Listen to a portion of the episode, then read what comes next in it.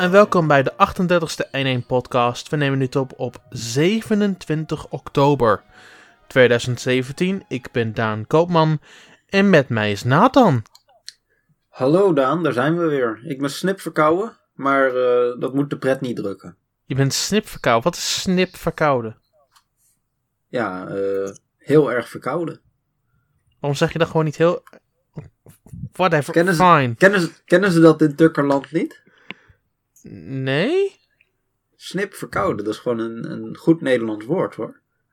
Snip, dat heeft met knippen te maken hoor. Nee, snip. Nou, ja, het zegt mij ook niks. Nee.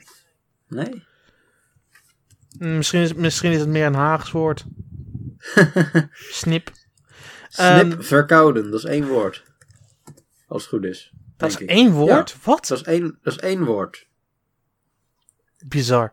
Anyway, ehm, de andere stem die je net voor een seconde hoorde, dat is Jeroen. Hoe gaat het met jou? Yes, inderdaad. Ja, gaat goed. Ik, eh, ik had vanmiddag even mijn Switch opgestart. Ik zag iedereen, iedereen Mario Odyssey spelen, geen grap. Mhm. Ehm, en eh, ik eh, zelf niet. Dus eh, Rip. Je hebt ook niet zo heel veel met Mario, toch? nee. ehm, en op dit moment is het ook gewoon voor mij echt te druk met andere games eh, om, om hier aan te beginnen. Dus eh, ik, ga, ik ga hem ooit wel spelen hoor, maar eh, Ja, voor de, enough. mensen, voor de mensen die hem niet kennen, dit is Jeroen. Jeroen werd ooit aangenomen voor s0nie.nl, maar toen bleek dat een 1 april grap te zijn. Toen hebben we hem toch maar gehouden. ja, precies. Ik dacht ik heb een Vita thuis liggen, maar toen dacht ik nou dan koop ik ook maar een Switch. Dan- Ja, Vita 2.0 hè. ja precies. Nou, hij is nu al een heel suc- meer succesvol dan de Vita. Ja, ja. Ja, goed. ja. Maar daar meer volgende week over, wanneer de financiële resultaten uitkomen van Nintendo. Yes. Dat is eh, Ehm, maandag. Voordat we überhaupt met andere onderwerpen gaan beginnen, waren er vragen? Ja, ja. Van Oh. eh, Mac, MacBoff, als ik het zo goed uitspreek. Yes. Ehm naar aanleiding van jullie leuke podcast heb ik twee vragen. Oké. Van, van de iPhone-versie, ik heb ik, afgezien van de iPhone-versie, heb ik van de Pokémon games eh, altijd links laten liggen, omdat dit mij wat kinderachtig leek. Ik Ja. hoor jullie hier toch regelmatig over, dus is mijn vraag: welke Pokémon game of games zijn de moeite waard, zeker voor mensen die niet bekend zijn met de materie? Zelf heb ik geen Wii U of 3DS, dus het liefst suggesties voor de NES, SNES, Game Boy, alle varianten, Wii of Switch. Oh, dat, Ja. dat, wordt- dat wordt wel een hele mishmash aan mogelijkheden, maar dat wordt wel een heel stuk gecompliceerder. Voor de vraag, ik struikelde een beetje over dat iPhone-verhaal. Ik snap niet helemaal wat hij Ja, daarmee Pokémon bedoelt. Go, Pokémon Go. denk ik, hè? Bedoelt hij. Pokémon Go? Ja, I guess. Ja, Maar ik heb toch wel meer mensen gehoord die daarmee begonnen zijn hoor, met, eh, met Pokémon Go. Ja, als iedereen het doet, hè, dan, eh, dan is het leuk. sure. Maar ehm, om die vraag te beantwoorden, je hebt geen Wii U of 3DS, dan wordt het al een heel stuk moeilijker. En de- dan, Nou, nee, en blijft je enige... Nee, Nee. eh, mag ik even uitpraten, dankjewel. Eh dan blijft als enige optie officieel gezien de Game Boy over. Want je hebt ook geen GBA of dat soort dingen genoemd. Ehm, Jawel, alle varianten Game Boy. eh, Alle varianten er. Game Boy.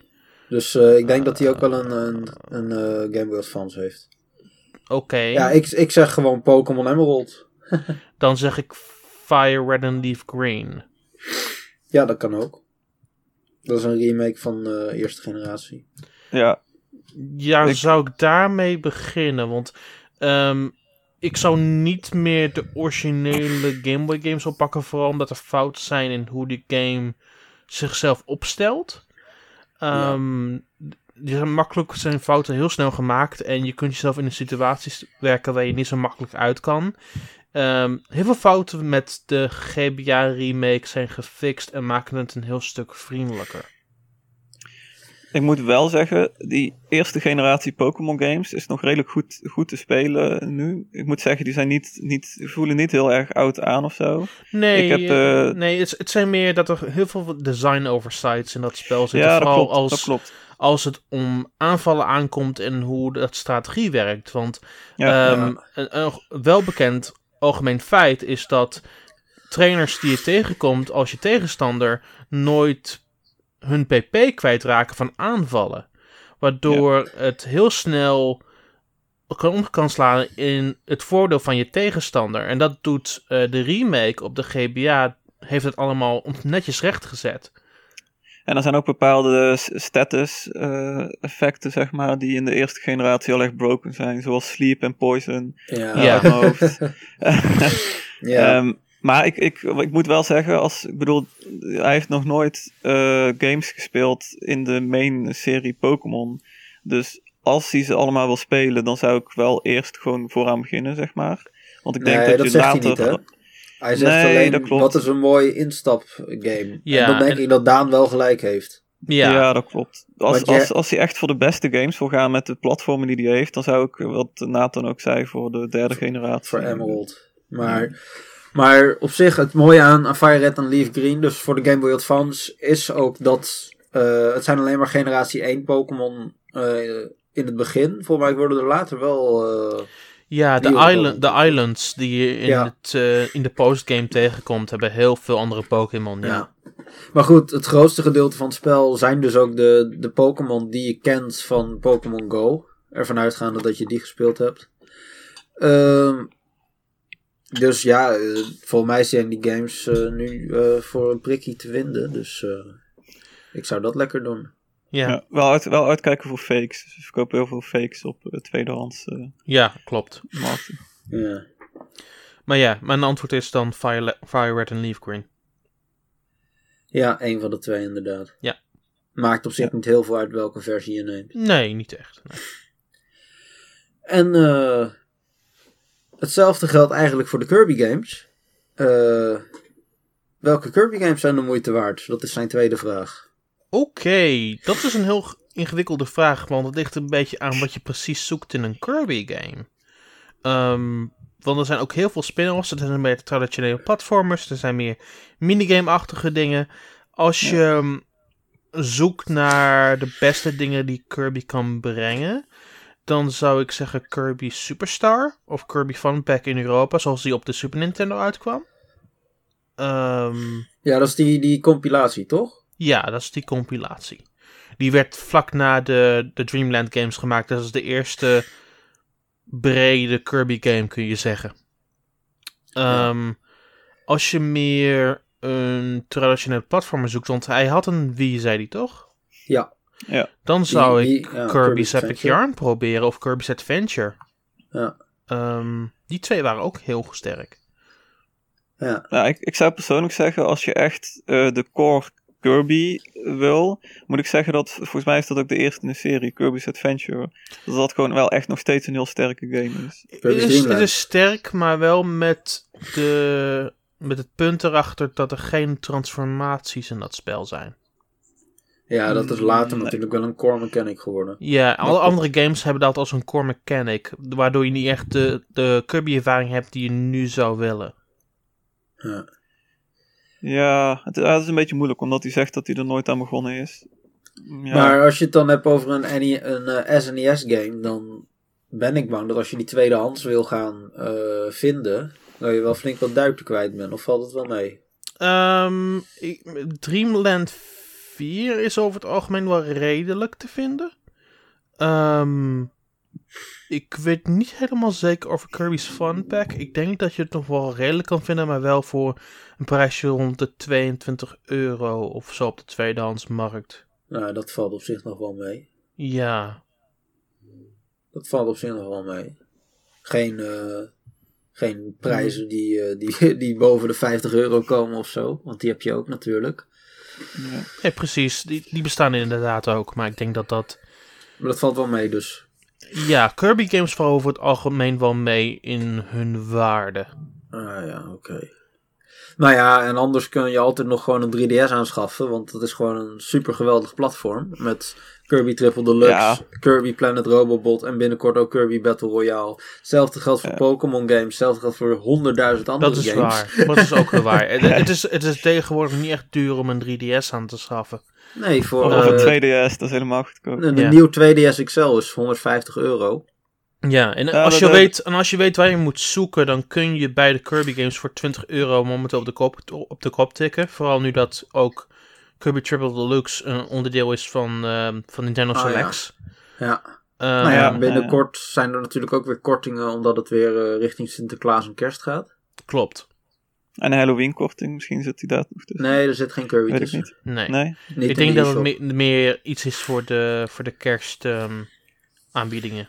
Ja, ik zou Ja. zeker volgende maand, november, december, zou ik even goed rondneuzen op, het, eh, ja, op de verschillende websites eh, online. Want eh, er zullen vast wel koopjes tussen zitten.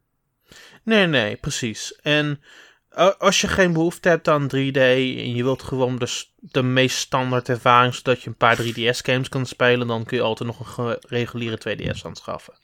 Er was toch, eh, ja, nee, ook dat nog inderdaad. Maar als je dan een, een, een inklapbaar model wil hebben, dan heb je de nieuwe 2DS XL.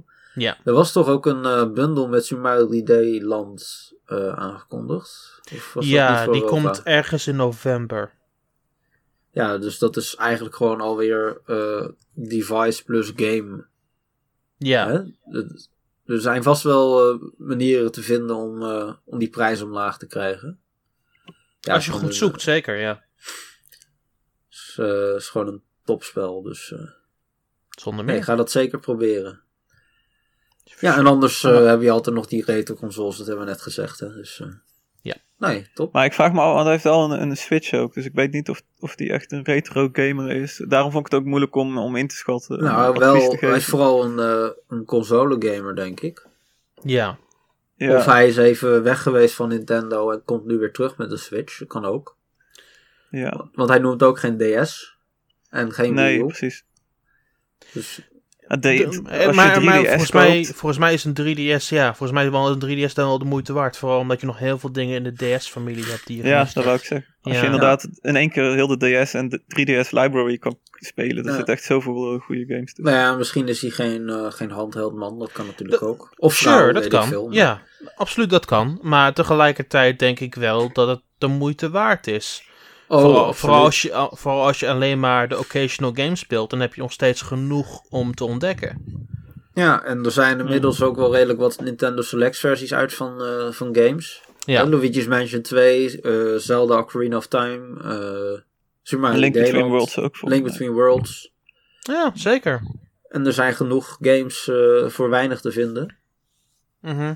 En bepaalde games voor helemaal niks. Als je nu tegenwoordig kijkt bij een Intertoys of Bart Smit, of een voormalige Bart Smit dat nu een Intertoys is, dan zul je nog heel veel games zien die heel goedkoop in de winkels liggen nu momenteel. Dus momenteel zou wel de beste kans zijn om zoveel mogelijk games aan te schaffen. Ja, ik denk dat volgend jaar rond deze tijd het eh, aanbod alweer een stuk minder zal zijn. Klopt, ja. Ben ik bang. Mhm. En eh, budget gaming. Er zijn genoeg, eh, hè, genoeg games voor weinig te vinden. Ook eh, op verschillende webshops. Dus, eh. Ja. Maar Nee, gaming best wel een goed lijstje als je bezoekt Ja. per game en dan eh, vind je wat Ja. je nodig hebt. Ja, alleen mis je dan natuurlijk wel de, de Intertoys en dat soort winkels. Want die, Su- Sure, maar tegelijkertijd dan heb je ook meteen het beste wat het internet te bieden heeft. dat want- sowieso. Want budget gaming gaat niet websites erop gooien die mensen proberen te scammen. Dus als je via budget gaming zoekt, dan heb je meestal wel altijd prijs. Ja, klopt. En het is ook nooit goedkoper bij een Intertoys hoor. Ja, nou ja, de, de Intertoys die heeft af en toe wel leuke dingetjes. Maar goed. Ja, zeker. Kleine, kleine Ja. schaal vaak. En dan moet je wel bij de winkels zijn. Je moet absoluut Ja. niet via de webshop gaan, want daar staan ze meestal nog voor de reguliere prijs. Ja, Loop absoluut. gewoon eens keer binnen bij de Intertoys en zie wat ze bij hun, af, bij hun ehm, op- en Gameafdeling. op af- aanbieding hebben liggen. Ja, precies. Meestal is dat wel een flinke shovelware hoor. Je moet echt geluk hebben. om Oh nee, ik, ik kom voldoende goede Ja, games oh. tegen die daar liggen Ja. hoor. Ik heb daar bijvoorbeeld eh, Resident Evil Revelations voor de Switch voor een tientje. En de Dead or Alive Dimensions. Ja, dat is wel netjes. Ja, Maar Dus, eh, zeker met de DS en Wii-dagen kan ik me nog herinneren dat er echt veel tussen lag. Ja, van, ja. Met de 3DS is het iets beter. Vooral omdat heel veel van die underbelly games een beetje verdwenen zijn vooral. ja. Ja, dat is waar.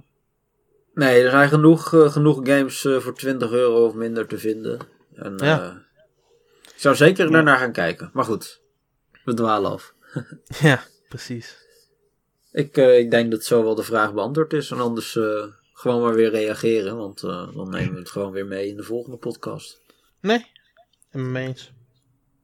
Oké. Yes. Zullen we Waren door? dat, waren, dat, waren dat de vragen Eh, ja, Ja. ja. Oh, oké, fair enough. Eh, ik dacht dat er nog iemand kwam, maar eh, als zo niet, dan gaan we door.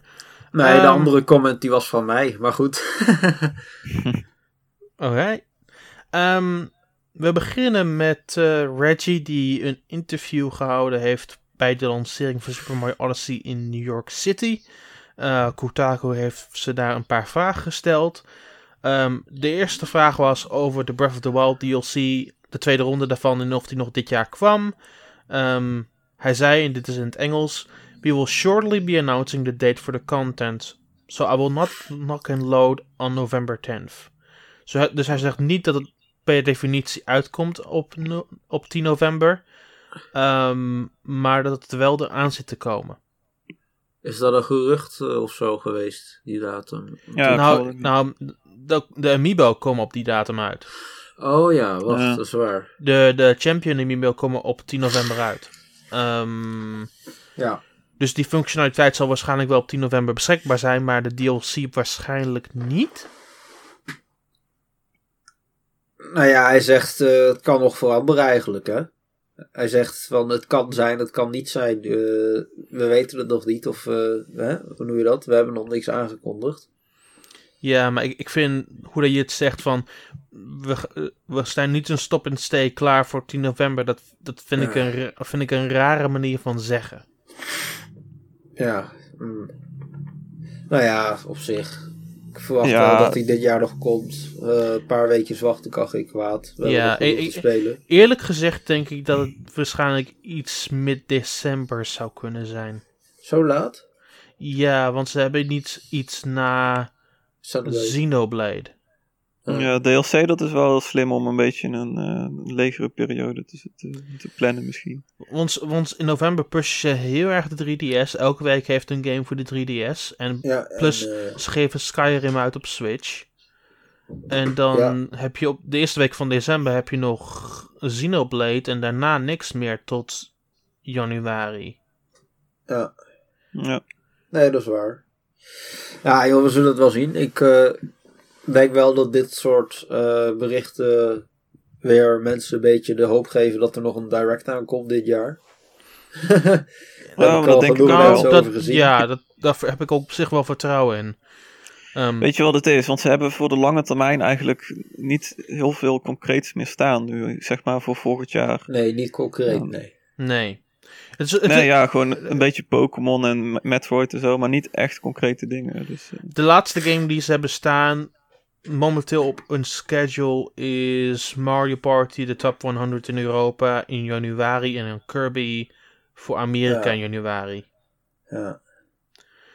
Daarna staat er ja, niks meer op het programma voor beide platformen eigenlijk.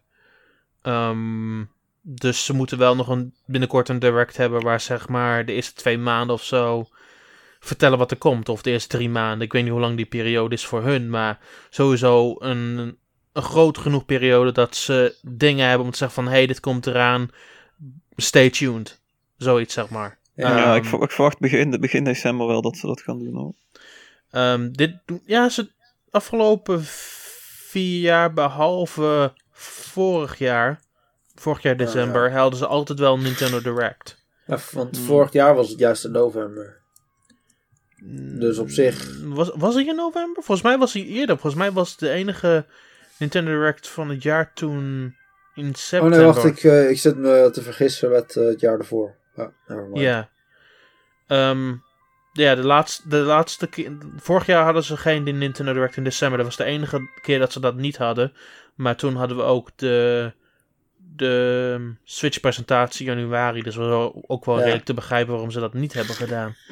Ehm, Nee, inderdaad. ik denk echt wel dat ze dit jaar wel weer gaan doen.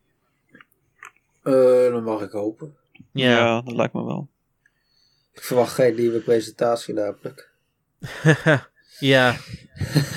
Ehm, ze waren blijkbaar ook verrast, want dit is iets wat eh, afgelopen dagen buiten is gekomen over de 4.0 update. Nog iets wat zomaar beschikbaar werd. Ehm, Ja. Je kunt nu de GameCube adapter gebruiken op de Switch, zodat je met GameCube controllers kan spelen. Ja, en niet alleen de. Smash. Oh Ik zag allemaal geruchten van oh, nu komt Smash eh, naar de Switch, maar eh, Ja. Nee, maar ik vind het wel tof. Gewoon op alle games eh, werkt het. Ja. Hoe ze het uitleggen is dat de update hun toelaat, third parties toelaat om peripherals te gebruiken op Switch. En door, door dat is uiteindelijk ook ehm, de GameCube adapt- adapter gaan white, whitelist eh, geweest. Oh ja. Ehm, dus daarom werken de GameCube controllers erop. Niet dat ze dat per se in gedachten hadden, maar dat is gewoon spontaan gebeurd. Hmm. Als een Ehm, soort pro-controller. Niet dat ik iets mis, helemaal niks mee vind, want ik vind eh Mario Kart spelen met een GameCube controller geweldig. Ja, ik heb het zelf niet zo heel erg op de GameCube controller. En ik ben een van de weinige mensen, dat weet ik. Maar eh nou, ik, Nou ik ja. denk ook wel, er zijn nu ineens komen er weer allemaal geruchten inderdaad van oh jee, Smash Bros, oh jee, eh, GameCube Virtual Console. Dan denk ik, mensen rustig aan. Kom ja, vanzelf. Die, die geruchten, die zijn niet, ik bedoel, zoals Daan uitlegt, het is niet echt de bedoeling geweest om specifiek Gamecube controllers Nee. te laten werken of zo. Dus die Nee, geruchten, die zijn ook nergens op gebaseerd. Klopt. Nee, Maar- het is gewoon verlangen. Gewoon hoop en verlangen. Ja. Ja, precies. Maar ik, ik snap niet helemaal waarom je op de Nintendo Switch nog graag nieuwe games met een controller van 15 jaar geleden zou willen spelen. Omdat die sticks in die, in die schouderknoppen nog zo goed zijn. Zo goed. Ja, maar die games zijn nooit geoptimaliseerd voor de Gamecube controller. Dat maakt niet zoveel uit, zolang ze erop werken en ze werken goed. En dat, dat, dat is toch het belangrijkste. Ehm, ik, opnieuw, ik heb het met Mario Kart geprobeerd en ook een klein beetje met ARMS. En zolang je de buttons een beetje kunt mappen en vormen naar hoe jij het fijnste vindt om te spelen, dan is dat uiteindelijk het belangrijkste. En ik heb er absoluut geen moeite mee. Ja. Nou ja, joh. Het, is, Nee. het is leuk voor de mensen die het willen gebruiken. Precies. Ja. Het is een optie, je hoeft het niet te gebruiken. Het is alleen voor mensen die bijvoorbeeld geen Pro-controller hebben, maar wel zo'n Gamecube-adapter nog thuis hebben liggen. Ja. Nou, die kan die gewoon met die adapter gewoon vier USB-controllers gebruiken. En je hebt meteen vier extra controllers. Ja, dat is, eh, financieel is het inderdaad heel gunstig.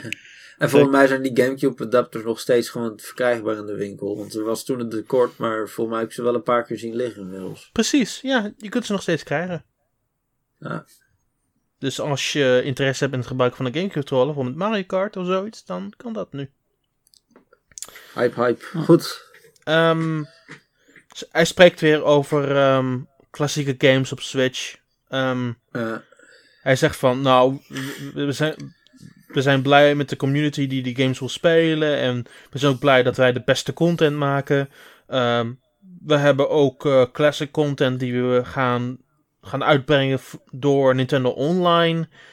En eh, we hebben daar meer over aan te kondigen volgend jaar.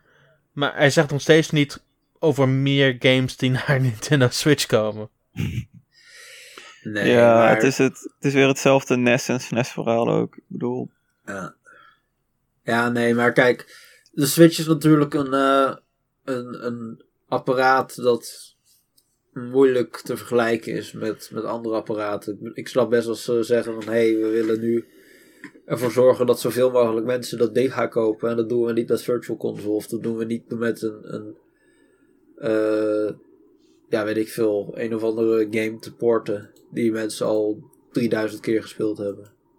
Ja, Er zijn wel games die ik graag zou willen zien op de Switch. Maar hè, vooral Wii U games die gewoon hartstikke underrated zijn. Maar eh, ja, ik snap wel dat ze zeggen... hey, we hebben nou een, een unieke device. eh daar willen we graag nieuwe dingen op proberen en nieuwe dingen op uitbrengen. ja. ja, eens. Dat, eh, Al denk ik inderdaad wel dat sommige home console games van vroeger, als je die nu voor het eerst eh, zeg maar draagbaar kunt spelen, dan heeft dat wel een meerwaarde. Dus dat snap Ja. ik wel. Ja, dat is waar. Nou ja, maar ja, dat zijn vooral third-party games natuurlijk. Ja. Ehm, over video-on-demand eh, services zegt eh, Reggie. Nou, die komen in een binnen korte tijd. Eh, je zult het ook aan de mensen van Netflix moeten vragen. Ik heb eh, het wel het telefoonnummer van de CEO van Netflix in mijn telefoon staan als je die nodig hebt. Nee, dat zegt, ja, hij zegt van eh, we hebben contact eigenlijk. We zijn Ja. ermee bezig, suggereert hij. En, Maar dat, Ja, ik, het zijn wel. Ik snap dat het van die kleine dingen zijn die je niet uiteindelijk nodig hebt. Maar het zou natuurlijk wel leuk zijn om te hebben nu. Ehm, Ja. ja, het, ik, ik, denk dat dat best wel belangrijk is om eh, in, ieder- in ieder geval dingen zoals YouTube en Netflix te hebben. Omdat veel mensen daar ook een home console voor gebruiken. Voor meer, meer dan alleen maar games spelen. En Ja.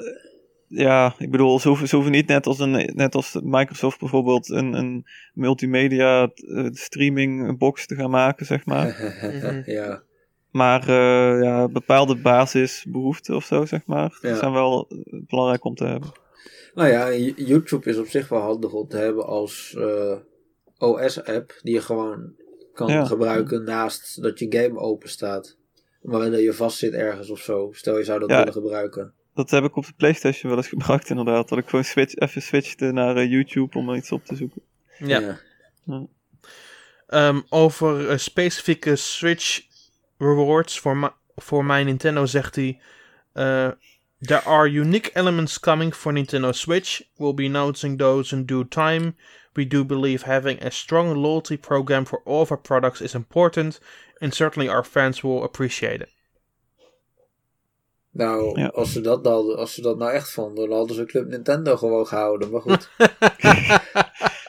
Ja, we liepen altijd te klagen over Club Nintendo. Maar dat was vooral voor de, voor de oplagen van de, van de rewards die ze hadden. Hey, je, weet, je wat, Ja, weet je wat pas een goed rewards program was? Nintendo 24 24-7. oh, ja. Ja, Wat voor Club Nintendo was in Europa. Ik, je kon gewoon een Nintendo DS daar gewoon vroeg krijgen voordat hij überhaupt uit was in Europa. In Europa. En had je, was, was je een soort van ambassadeur voor de Nintendo DS met gewoon, Mhm. gewoon de lanceergames van eh, met Super Mario 64 en dan ook nog ehm, de Metroid Prime Hunters demo. een beetje wat ze ook gedaan hebben voor eh, de Neo 3DS. Ja, Maar ja, dan ja. nog beter. precies dat, ja. maar dan een heel stuk eerder, volgens mij was het ergens in december Nou. al. Voordat, want wij kregen hem pas in maart, volgens mij. Ja, ja, klopt. Ja. Ik moet wel zeggen dat ik pas geleden via de mijn Nintendo, wat, wat ze nu dan hebben, eh, heb ik eh, nog gratis Tengami gedownload. En eh, nou ja, zeg maar voor 0 euro was dat best wel eh, leuk om even door te spelen. Ja, tuurlijk wel. Maar ja, dat is ook een prima game. Die heb ik toen gereviewd. Maar Oh, oké. ehm, ik vind wel dat in het algemeen de, de ja, wat My Nintendo biedt is gewoon zeer teleurstellend. Ja, dat klopt. Ja. Want eh, voor mijn gevoel gebruiken ze het nu nog meer voor, voor mobile apps dan voor eh, de Switch en de Wii U en de 3DS zelf. Jee, ik kan korting krijgen op games die ik al lang heb. Tof, echt heel tof. Daar, doen we, daar doen we het ik, heb, voor. ik heb ook nog korting op een Project Zero eh, ge- ge- ge- in- ja, maar ja, dat is jouw fout dat je die game nog niet gekocht hebt. Dat had je gewoon al twee jaar geleden kunnen doen. Nee, voor, de, voor de, diegene die op de Wii... eh, Oh, Project Zero uit is 2. gekomen. Ah Ja. ja, ja. Nou ja, dat is wel leuk.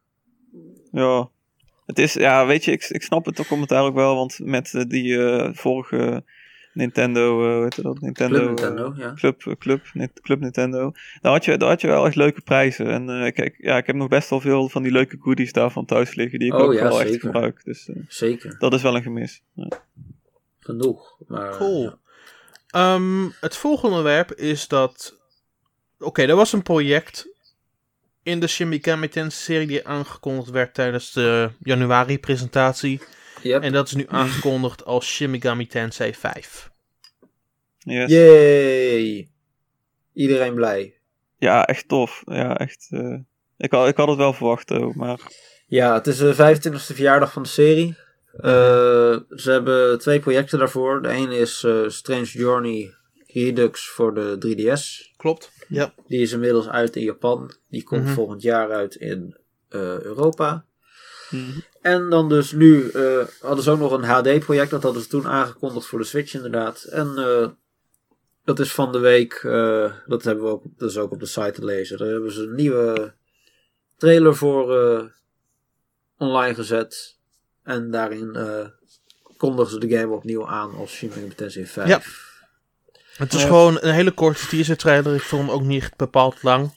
Ehm, ik vond hem, hij was kort, ik vond hem niet lang. nou ja, was, was één minuut. Dus de, Ja. ja. Het, het was ook niet dat het dat dan iets te zien was. Het was gewoon. i- Ik had er iets meer van verwacht. Ik had een eh, analysis video van Game Explain verwacht. Eh, Want er zit wel het een en ander in. Eh, ja, Oh er ja. zit veel in. Ik heb zelf Ik even heb, eh, gekeken namelijk. Mhm. Ja, uit, zeg maar de, gro- de, de, de main, de grootste scène steeds heb ik een eh, screenshot van gemaakt. En die staan ook als eh, screenshots dan bij het artikel. Dus eh, dat zijn een beetje de, de, Ja. ja. de hoogtepunten, zeg maar. Het is Ja. een, een verwoest Maar- Tokio, om het zo te noemen. Nou ja, dat is niet nieuw. Maar wat Nee, mij dat- vooral intrigeerde waren de, de woorden die in de trailer stonden. Er werd gewoon random stond gewoon een woord op een gegeven Ja, ja. moment. Eh, dat is Hebreeuws. Daar eh, hebben mijn vrienden van eh, de Gematsu comment section hebben dat uitgepluist. Uitgeplozen, weet ik veel. Ehm, ja, eerst staat er iets als Shekina's Glory. Ja. Of iets dergelijks. Nou, eh Shekina dat is Hebreeuws. En dat betekent zoiets als dwelling of settling. Eh, het wordt vooral in verband gebracht met eh, eh, the presence of God, zoals ze dat noemen. Eh, dus het gaat eigenlijk om de, eh, ja, hoe, hoe God eh, zichzelf naar buiten herkenbaar maakt, zeg maar. Mhm. Eh, Ja. dat, dat woord, zeg maar. Dat, dat, Eh, is, dat is overigens niet zo verrassend, want Shin Megami Tensei is natuurlijk altijd een serie die heel erg de mythologie en Religies. kant eh, ja, opgaat. Ja. Eh, ja, dus dat is wel tof. Maar ehm, dat woord, dat, dat, is, eh, dat wordt vooral in het, Joods, in het Jodendom gebruikt, zeg maar. Daar komt het vandaan. En het andere woord, dat is da'at of zoiets. Geen idee hoe je het uitspreekt. Maar ehm, dat is het andere woord. En dat betekent iets als eh, knowledge. En dat komt uit eh, een of ander ding wat ze, wat ze hebben. Een soort filosofisch systeem van, de, van het Jodendom. Dat gaat over de goddelijke natuur. Ehm, en daarin is dit woord, zeg maar, ja, het, het- dat staat zeg maar centraal in het systeem. Eh, dus het lijkt erop dat deze game wat meer die kant van het mythologische spectrum gaat, eh, gaat gebruiken als inspiratie. Maar nog even terugkomend op eh, wat jij, waar je mee begon. Van het is weer een verwoest Tokio waar het eh, zich in afspeelt. Wat, Ja. ik bedoel, we hebben natuurlijk Shin Megami Tensei 4 en Apocalypse op de 3DS gehad. Dat was ook een verwoest Tokio en dat is niet nieuw voor die serie verder. Maar als, als we naar het begin kijken van de trailer, dan zie je een soort persona-achtige stationshal. Waar eh, mensen lopen Ja, eh, en dan even later in de trailer is het een verwoest Tokio. Dus er zit denk ik wel iets van een verhaallijn in. eh, dat, dat die transformatie nog ja, daarin gaat gebeuren. Zeg maar. plaatsvindt. Ja. Nou, je ziet op een gegeven moment ook die, die jongen opgevreten worden door demons. Ja. Dus ja, ja, en- ja, bij Shin. Megami Tensei 4 was het natuurlijk zo dat, dat je ook zeg maar doodging in het begin van het verhaal. Ja, Eh, Apocalypse volgens mij was dat bij Vier. Apocalypse, ja. Ja, ja. En eh, dan eh, word je weer opnieuw tot leven gewekt. Dus ja, ik weet niet, misschien, misschien zoiets weer. Ja, we gaan het zien. Het is, ik weet wel dat er op, eh op NeoGaf een gigantische following van de serie was. Dus die gingen er ook meteen op. Ja. ja. er is zeker een fanbase. Mensen die vinden dit interessant. Ik zelf heb niet zo heel veel games in de serie gespeeld. Eh, ik ben eraan begonnen. En eh, ik ben wel benieuwd. Eh, Ik heb, ik heb ik aardig wat meer- in die serie gespeeld. Ehm, ik, ik ben nu bezig met mijn tweede ronde van Apocalypse. Mhm. Op de hoogste moeilijkheidsgraad. hoppa. Eh, Lukt het Ga je voor het andere einde? Of, eh, ik ga voor een ander einde ook, ja. Maar het is ook puur omdat ik wil weten hoe pittig die route was. En, het, en momenteel ehm, gaat het niet met gemak af, zal ik het zo zeggen. Nee, het, eh, het zijn wel lastige games op zich. Ja. ja. Maar ik ben altijd meer gecharmeerd geweest van meer van de spin-off van Shin Megami Tensei. Niet echt Ja. puur van eh, de mainline games, al vind ik die ook nog best wel leuk. Ehm, ik heb vooral genoten van Apocalypse, want die was zo bizar en, en over, over de top. Ja, Ehm, en 4 vond ik iets meer straightforward in dat opzicht. Maar ik, ik, I don't know. Het zijn nog steeds geweldige games en daar gaat het uiteindelijk om. Ik heb eh, SMT 4 eh, ooit met, met korting in de e-shop gedownload. Mhm. Daar ben ik ooit eh, aan begonnen. En Oh dat ja, heb ik dat, ik dat, ik, twee ik keer herinner me nu het hele dilemma waarom ik er zo lang over gedaan heb om überhaupt 4 te spelen. ik, ben, ik heb dat inderdaad een uur, misschien twee uur gespeeld. En daarna, nee, dit is niks voor mij. Doei. Echt niet. Nee, Gewoon- die, ik, ik weet niet. Ik, vind dat, ik vond die, die game, dat begin, dat vond ik, eh, vond ik niks.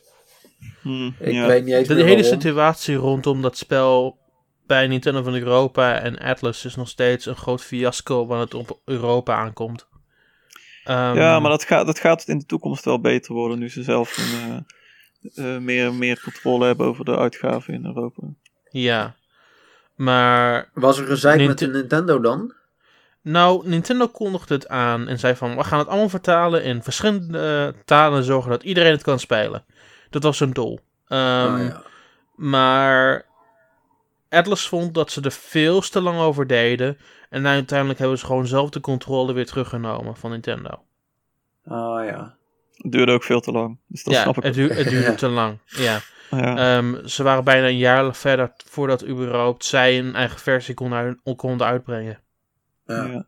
Dus, Nee, maar ja, daar, dat heb ik zelf heb ik daar weinig van meegekregen toen. Ik bedoelde meer gewoon de game zelf. Van, ja, ik weet niet, het trok mij niet aan. Terwijl een aantal spin-offs die ik gespeeld heb, eh, mij wel aantrokken. Dus ja. Ja, maar dat is, dat is in die serie, ik bedoel, het, het bekendste voorbeeld is natuurlijk de Persona spin-offs. Ik bedoel, die zijn veel Ja. populairder dan de hoofdserie. Ja, inmiddels Dus, wel, eh, ja. ja, wat, dat- wat dat betreft is het niet zo heel vreemd dat sommige mensen dus meer zien in de spin-offs. En ehm, de Devil Survivor spin-off games, die zijn ook heel erg populair. Dus eh, oh, ja. Devil Survivor zijn absoluut mijn favorieten. Nou, ja, je had voor, de, voor de PlayStation 1 en 2 had je nog de, de Raido games. Die heb ik nooit gespeeld overigens. Ja. Maar eh, er zijn wel meerdere spin-offs geweest, eh, spin-off series geweest.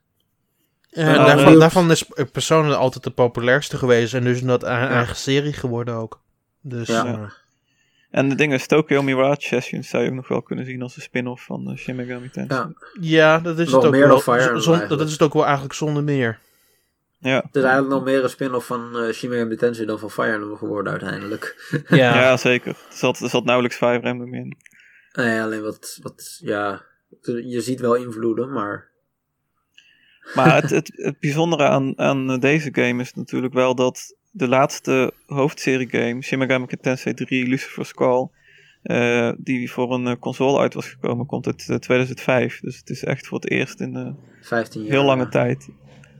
Ja, eh, Ja. SMT3 Nocturne heet die in Amerika inderdaad. Daar heb ik veel Ja. over gehoord. Ja. Mensen dachten ook dat dit Lucifer's misschien nog Call. wel een, eh, een, eh, een remake zou zijn of zo van die game. Hmm. Maar dat is uiteindelijk niet geworden. Maar eh, nee, Ja. inderdaad. Nee, dat is het inderdaad niet geworden. Ja, het, is, het is wel een bijzondere serie dit. Het eh, begint nou ook wat aan te trekken in, eh, buiten Japan, zeg maar. Mhm. Hoewel ik niet weet of, eh, of de developers daar evenveel. eh eh, je dat? Of ze daar veel rekening mee houden. Of dat ze dat wat kan schelen. Dat idee heb ik namelijk niet. Maar eh, Nee. Nou ja, misschien qua persona wel, maar ik denk qua Shin Megami Tensei niet. nee. Eh, vlak na de aankondiging van eh, in deze trailer van Shin Megami Tensei, ja, Shin Megami Tensei 5 eh, was er een interview in Famitsu en eh, daar kwamen nog wat details naar boven. Een van de directies waar eh, de game ingaat eh, is, zoals het in het Engels heet, is to re-examine the, the characteristics of the era. Eh, ze willen dus eigenlijk soort van thema's eh, die Mhm. hedendaags hot topics zijn, zeg maar. Die willen ze terug laten komen in de game. Er wordt bijvoorbeeld genoemd: There surely are many people frustrated by troubles both at home and abroad, such as anxiety about finding a job or getting old, or terrorists and nuclear weapons. I want to make a Shin Megami Tensei game that can sympathize with such an era. That's our challenge, eh, Hmm. zegt de director. Nou ja, dat is, dat is gewoon Japan. eh, hedendaags. Veel werkloosheid, eh, veel vergrijzing. Eh, Terroristen en nucleaire wapens, dat is ook, wel redelijk, is ook wel redelijk dicht bij Japan. Noord-Korea natuurlijk. Eh, dus ja, het is. eh, ik ben wel benieuwd wat ze daarmee gaan doen. Verder eh, is de director heel blij met de Switch, omdat zowel tv als handheld gebruikt kan worden. Hij zegt van, dat hij hoopt dat de main story op de tv gespeeld wordt en dat ze dan side activities zoals Demon Fusing en zo eh, in bed kunnen doen. Dat is eh, s- hoe hij eh, ziet hoe spelers deze game spelen. Dus ja, zijn weer wat, wat extra details. En over de release date zegt hij. At this point, we can't even say it's coming soon yet. So please wait a little while longer. Dat zal waarschijnlijk wel eind 2018 worden of zo voor Japan en 2020 voor Europa. Nee. ja. Gelukkig is die regio vrij, hè, de Switch. Ja, alleen. Nee, eh, maar... Ik moet zeggen, ik snap, dat, ik snap dat ze hem op de Switch doen, maar ik snap niet dat verhaal over Demon Fusion, wat hij zegt. Want over het algemeen ben ik, eh, zeg maar, in de Shin Megami Tensei games nou nooit heel lang bezig met Demon Fusion. Nooit zo lang als in Persona, zeg maar. Nee, maar hij, hij Hmm. heeft het gewoon over side activities en noemt dat als voorbeeld. Ja, oké. Ja, ik weet het niet. Volgens mij kan dat even goed. Zeker in Japan is handheld gaming natuurlijk groot. En eh, dit soort RPG's die eh, zijn ook prima als handheld te spelen. Dus eh, ja, ja, we gaan het wel zien, joh. Wie weet, wie weet dat ze ooit Persona ook nog naar de, naar de Switch brengen. Wie weet hoeveel Hmm. spin-offs er nog in de tussentijd voor de Switch zullen uitkomen. Voordat deze game Over spin-offs gesproken en Nintendo-platformen. Jij hebt recentelijk heel wat Soul Hackers gespeeld. Ja, Shin Megami Tensei Devil Summoner Soul Hackers. Dat is een game die ik echt al heel lang heb. Op een gegeven moment liep ik vast. Sindsdien heb ik Tokyo Mirage Sessions gespeeld en Persona 5. En gedeeltelijk Persona 4. Dus ik snap inmiddels een stuk beter hoe de serie werkt. Want dat was mijn allereerste Persona, of eh, mijn allereerste Shin Megami Tensei game. Mhm. Dus eh, ja, ik ben opnieuw begonnen. En nou Mhm. gaat het ineens een stuk beter. Nou, mooi. Dus eh, Ja, ja, ik zou, ik zou eh, zeggen, dat iedereen, eh, iedereen met interesse grijp je kans tijdens de Halloween dagen. Want zowel eh, Soul Hackers als Devil Survivor Overclocked zijn eh, voor de 3DS in de aanbieding. Ja, klopt. Soul Hackers Soul vind ik nog steeds wel een heel gaaf spel hoor. Het is misschien een tikkeltje verouderd, maar Ja, eh, de manier waarop het verhaal is verteld en hoe eh, de personages in elkaar steken is nog steeds super tof. Oh nee, ik liep op een gegeven moment vast, maar ik vond het wel echt gewoon een, een vet spel. Want ehm, het is een, een game die oorspronkelijk voor de PlayStation uitkwam, of de Sega Saturn, een van de twee. Ja, ja. En, Sega eh, Saturn, ja. Ja, en eh, ja, inmiddels zijn we twintig jaar verder. Mhm. Eh, er er zijn wel een aantal concepten die echt jaren negentig zijn, die, die de game heeft, zowel qua gameplay als qua story. Mhm. Maar ja, ik vind het wel gewoon gruwelijk vet. Het, het voelt echt als een soort retro game inderdaad. Eh, maar dat vind ik wel tof. Eh, verhaal spreekt me heel erg aan over eh, ja, een soort... Ja, eigenlijk is het gewoon een soort internetparadigma die ze, die ze opzetten. Eigenlijk. In die game. En eh, ja, ik ben nou eindelijk... eh, ja, ik ben opnieuw begonnen, maar dat, dat is maar goed ook eigenlijk. Anders had je toch niet zoveel herinnerd, want het is wel een heel aardig... Het is een flink gecompliceerde game als je erop Ja. eens in wil duiken. Nou, er zit wel een, een, een back, hoe heet zo'n ding eh, in. Eh, je kan het verhaal wel teruglezen Oh, ja. in de game. Ja, maar op dat punt kun je toch beter overnieuw beginnen. Dan weet je alles Ja, gewoon nee, inderdaad. op de manier zoals het hoort. Is, het, is het qua verhaal dan zwaarder dan een Devil Survivor? Want, ik bedoel, dan ligt het er ook een beetje aan welke route je neemt. Dat is eigenlijk altijd wel in Shin Megami Tensei. Ja, dat weet ik niet. Ik heb eh Devil Survivor Overclocked heb ik in deze Halloween sale gekocht. Ja, ja. Die, eh, dat is tot en met 2 november. Of, ja, dat is eh, die donderdag dus. Dus als je deze podcast luistert, dan kun je nog een paar dagen je kans grijpen. Yes. Eh, ja, dus ik weet niet hoe die game werkt verder. Ik heb geen Ja. idee hoe gecompliceerd die game is. Devil, ja, Devil Survivor Overclocked is voor Shin Megami Tensei normen best wel licht qua verhaal. Omdat het meer, ja, je, je hebt zeven dagen zeg maar om, om eh, ja, Tokyo te redden. Ja, eh, want het is, het is een lockdown zeg maar, omdat er Oh, ja. een virus en zo is. Ja. En demonen die komen de, de stad binnen. Eh, dus waar je, ja, je moet een beetje zelf, je hebt best veel vrije tijd, zeg maar, zoals je dat ook uit Persona kent. En dan moet je zelf een beetje kiezen met wie je praat en wat voor subverhaallijnen je ingaat. En afhankelijk daarvan eh, verandert je einde ook. Dus, Oh ja. Ja. Ja, nee. Volgens mij is, is... Ik heb geen idee, maar Soul Hackers is volgens mij wel een stuk lineairder. Volgens mij is Ja. het niet echt een branching story of iets dergelijks. Ja. Maar wel, eh, ja, je hebt dan een soort van vision quests, waarin je in de, ja, in het lichaam van iemand anders eh, uit het verleden, zeg maar, eh, een gedeelte van zijn leven dus een, doormaakt. Eh, dat maakt het verhaal wel een stuk gecompliceerder dan de gemiddelde game, denk ik. Dus ik weet niet hoe jij daarin staat, eh, Daan. Nee, ik ehm, ben het helemaal met je eens. Ja. Oké. Ja, interessante serie dit. Soulhackers is nu 7,50 euro in ieder geval op de e-shop. Devil Survivor Overclock 10,50 euro. En Devil Survivor 2 eh, Break Record is 20 euro. dat is niet mis. Nee, zeker niet. Het zijn fikse kortingen. Dus allemaal eh, kopen, alle drie. als je een beetje geïnteresseerd bent, eh, zou ik gewoon een van die eh, uitproberen. Kopen, kopen, kopen. volgens mij zijn er ook wel een heel stel games in aanbieding. Volgens mij Bayonetta 2 op Wii U, volgens mij ook. En... Ja, Project Zero 2 en 5. Oh ja, Oh, vijf ook. Nice. Ja, maar ja, dat is, die had ik eerst gemist eh, in dat lijstje die ik maakte. Omdat dat eigenlijk technisch gezien DLC is. En ik, we hadden geen persbericht of zo, dus ik ben gewoon door die hele e-shop heen gegaan. Mhm. En ja, toen miste ik hem. Ik heb hem later nog toegevoegd. Maar, alright. ja, nou ja. En eh, op de 3DS is ook genoeg eh, in de aanbieding. Zeker Er is genoeg voor iedereen. Nee. Oké, en toen? En toen gaan we het hebben over. eh, heb... En toen. Ga... gaan we het hebben over Animal Crossing Pocket Camp. Ja, Yes. Eh, mobile daar was games. Daar was een Nintendo Direct afgelopen week. Eh, daar hebben ze het uitgebreid gehad over de game. En tot de verbazing van iedereen kwam de game 12 uur later opeens in Australië uit. Ja, als soft launch.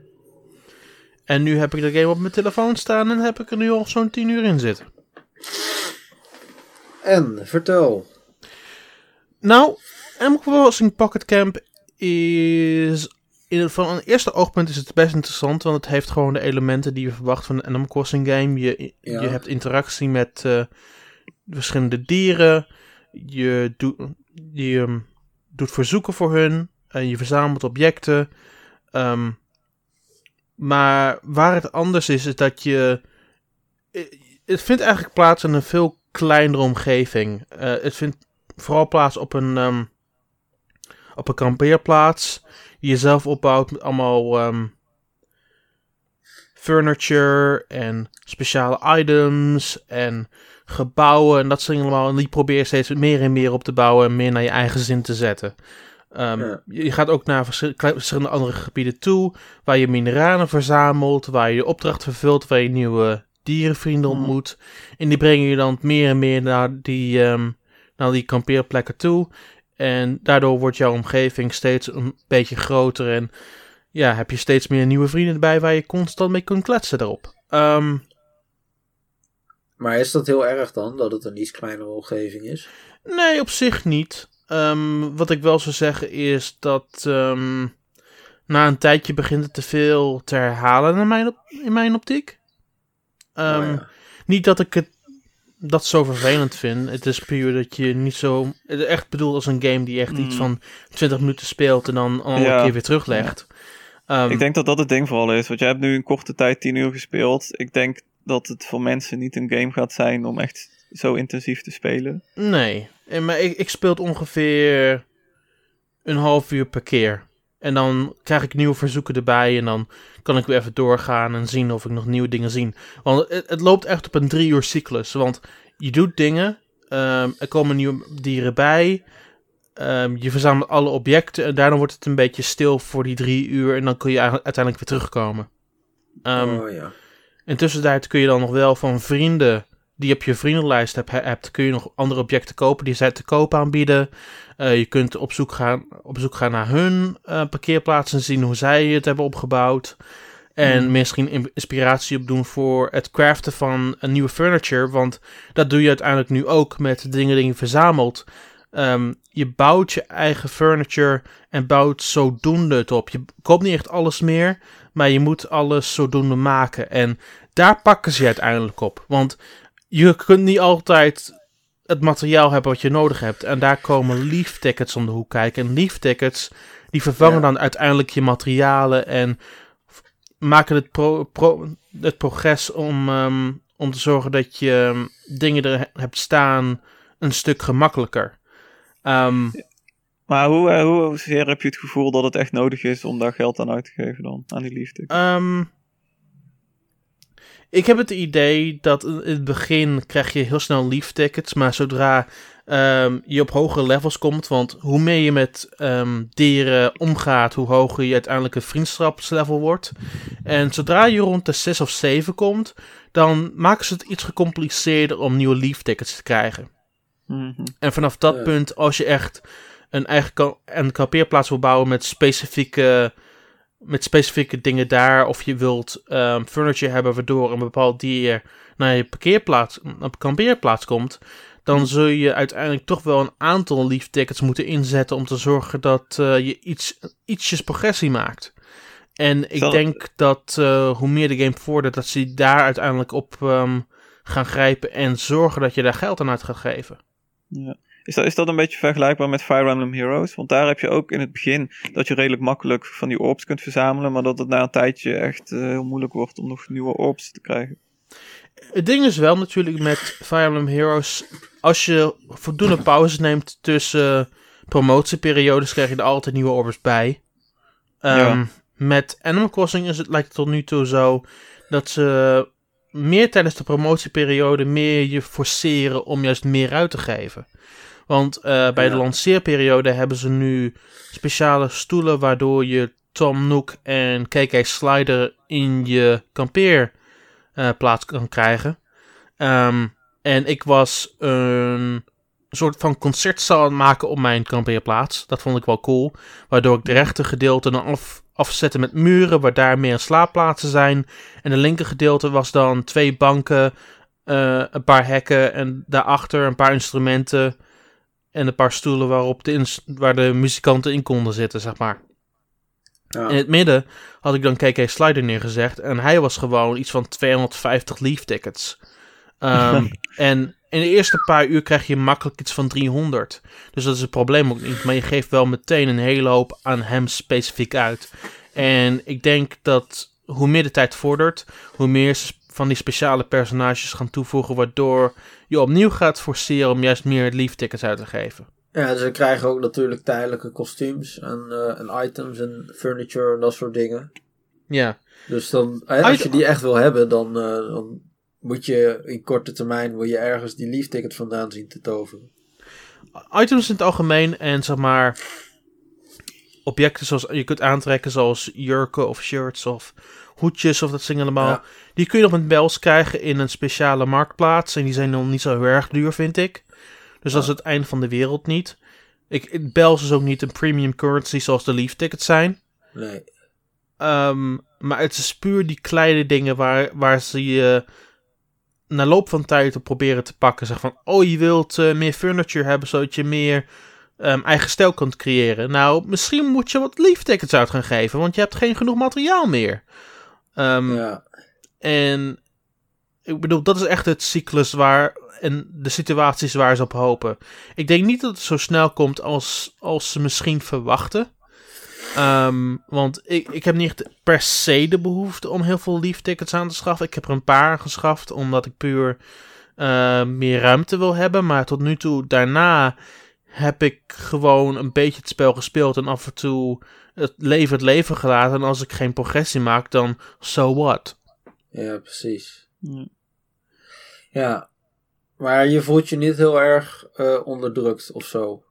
Nee, de- niet, zo, niet zozeer als zeg maar ehm Fire Emblem Warriors, waar je eigenlijk meer gacha. gefocust wordt om meer units te krijgen die echt heel speciaal zijn. Eh, Ja. Momenteel vind ik het allemaal nog nu leuk. Ik vind het nog leuk om een eigen kampeerplek op te bouwen. Nog dingen eraan te veranderen. Dingen een beetje te tweaken naar mijn optiek. En uiteindelijk gaat het er gewoon om dat ik meer speciale gebouwen in dat, eh, in dat gebied zin te krijgen. Waar ik nog heel druk mee bezig ben. En waar je echt hele hoge levels voor moet krijgen. En dat gaat nog wel een tijd in beslag nemen. Ik ben er ook nog lang niet klaar mee. Ehm, maar ik zie wel een klein beetje waar het naartoe gaat. En als ik echt een specifiek goal in mijn hoofd heb, na zeg maar nog een paar uur, dan kan het best zijn dat ik waarschijnlijk op zoek moet naar een Australische iTunes kaart. ja. Maar, Nou ja, dat is natuurlijk het risico van, eh, van eh, de soft launch willen meemaken. maar tot nu toe kan ik alles gewoon in omgevingen vinden. Je verzamelt gewoon vissen, je eh, verzamelt insecten, je pikt eh, objecten op. En zorgt ervoor dat je gewoon genoeg in je inventaris hebt. En tot nu toe gaat dat me prima af. Ja. Hoe zit het met eh, de, de tijdslotten die erop zitten? Er zitten, zijn toch op bomen en dat soort dingen zitten eh, tijdslotten? Ja, zoals ik zei, het loopt allemaal op een drie uur-achtige cyclus. Dus als je het fruit van een boom haalt, dan duurt het Ja. drie uur voordat het hersteld wordt. Ja. Ehm, dat betekent niet dat je het kunt herstellen. Er is ehm, Fertilizer, dat is een heel populair item in de Animal Crossing series, waar je bijvoorbeeld ehm, door je bomen mee kon redden of dat dingen allemaal. Hier gebruik je Fertilizer om meteen weer nieuwe fruit aan een boom te hebben. Wat nogal sneaky is, wat betekent dat je gewoon Fertilizer krijgt van een, een van de evenementen die je hebt early in the game dat je gewoon iets van 10 keer Fertilizer hebt en je gewoon heel veel van hetzelfde item kunt scoren. Dus misschien is dat een beetje broken. Ja. Ehm, maar dat is ook een heel slecht idee, want dan heb je ook maar één, echt maar één item. En soms vragen ze ook om meerdere van, meerdere van een verschillend on- van een één onderwerp. Bijvoorbeeld drie van een verschillende soorten fruit of dat soort dingen allemaal. Ehm, de, de missies op zichzelf worden heel erg gecompliceerd hoe meer je, meer je de vriendschaplevels met bepaalde dieren vordert. Eh, met bepaalde dieren die nu op level 6 zijn, heb ik echt, moet ik echt iets van drie verschillende items verzamelen voordat ik de missie voltooid heb. En dat voelt een stuk gecompliceerder, vooral met het vissen ervan. Want dat betekent dat ik echt naar elke spot moet gaan waar ik een visschaduw zie, mijn hengel moet uitwerpen en hopen dat het de juiste vis is. ja, of dat sleepnet, hè, zoals in de direct. Ja, en een, een sleepnet moet je weer, eerst weer voor betalen met leaf tickets. Ja, mooi hè? Maar over het algemeen denk ik dat, die- dat zo'n eh, cyclus van drie uur wel geschikt is. Want ik denk dat, ze, dat dat niet te lang is en niet te kort is om mensen gewoon meerdere keren op een dag even dat spel te laten doen. En eh, ja, ik denk dat ze daarvoor gaan eh, in de eerste instantie. Precies. En het, is- het, het tweede gedeelte daarvan is ook gewoon dat je gewoon je creativiteit deelt en andere mensen, andere mensen laat zien. Want dat is gewoon super simpel. Want het, nadat je klaar bent, zegt hij wil je saven. En dan uploadt hij het meteen naar de cloud toe. Dus mensen zien meteen je veranderingen na, na een paar luttele minuten. Ja, nice. De enige vraag die we nu nog hebben is: eh, vinden mensen het nu nog de moeite waard om een Animal Crossing te kopen voor de Switch? Als die ooit komt. Eh, Ja, ik denk het wel, want het is een heel andere insteek. Dit is meer, veel meer in de life simulator focus en meer puur ehm, Bouw je het. bouw je relatie op. En Ja. laat een heel klein beetje creativiteit zien. En Animal Crossing zelf is een heel stuk breder dan dat. Ehm, dus er is absoluut ruimte voor een Animal Crossing game. Het is gewoon de vraag wanneer die komt en op welke snelheid. Want uiteindelijk hebben ze ook tijd uitgegeven nu aan deze mobile game. Aan deze mobile game. Ja. Ja. Maar je, je, je mist nog wel duidelijke elementen dat het een, eh, een Switch game eh, Ja, ik, mis dat, heeft. bre dat brede gevoel en het gevoel van het gewoon ontdekken van een wereld. Want Ja. het zijn gewoon echt afgebakende gebieden in deze game. Er zijn ook meerdere, er zijn er zes of zeven of zo. En je kunt er constant tussen switchen. Je komt, nieuw, komt nieuwe villagers tegen, je komt nieuwe inwoondieren tegen. Ehm, maar het, het uiteindelijk blijft wel, het, het voelt klein. Het voelt bijzonder beknopt. Maar het, het werkt ook als een mobile game. Ja, precies. Hmm, oké. Nou ja, ik ga het zelf meemaken wanneer die gewoon in Europa uitkomt. Ik ga geen moeite lopen doen met eh, Australische accounts en dat soort handel. Ja, zeker. Het is ook niet zo heel moeilijk eh, om, voor iTunes om een, om een, eh, om een Australische account te maken. Dat was zo klaar. Dus, eh, Nee, dat weet ik wel, maar Maar daarom had ik het ook gedaan. moeite. en het is nog maar een maand voordat hij hier is, dus eh, Precies. het zal wel. Ja, ik heb dat ook. Ik heb niet heel erg de behoefte. niet- Het ligt niet aan dit spel trouwens. Maar bij heel veel games heb ik niet echt de behoefte om altijd op de eerste dag per se dat eh, te moeten. te Nee, doen. daarom. Dus, Precies. Dus eh, we wachten wel af. In de tussentijd komen nog een heleboel games uit. ja. Dus eh, Yep.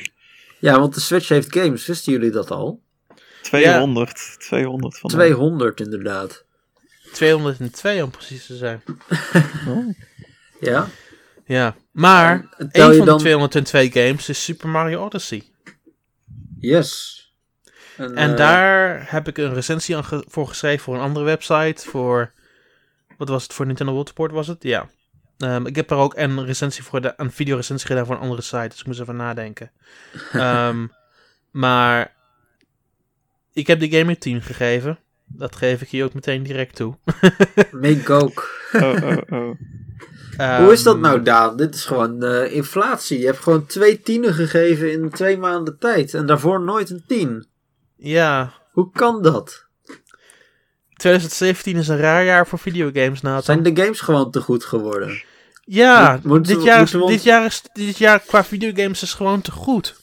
Moeten we onze schaal aanpassen naar eh, een 0 tot 20? Ik denk dat er, dat er gewoon minder goede videogames moeten uitkomen. nou, het is wel, eh, wel enorm, hè?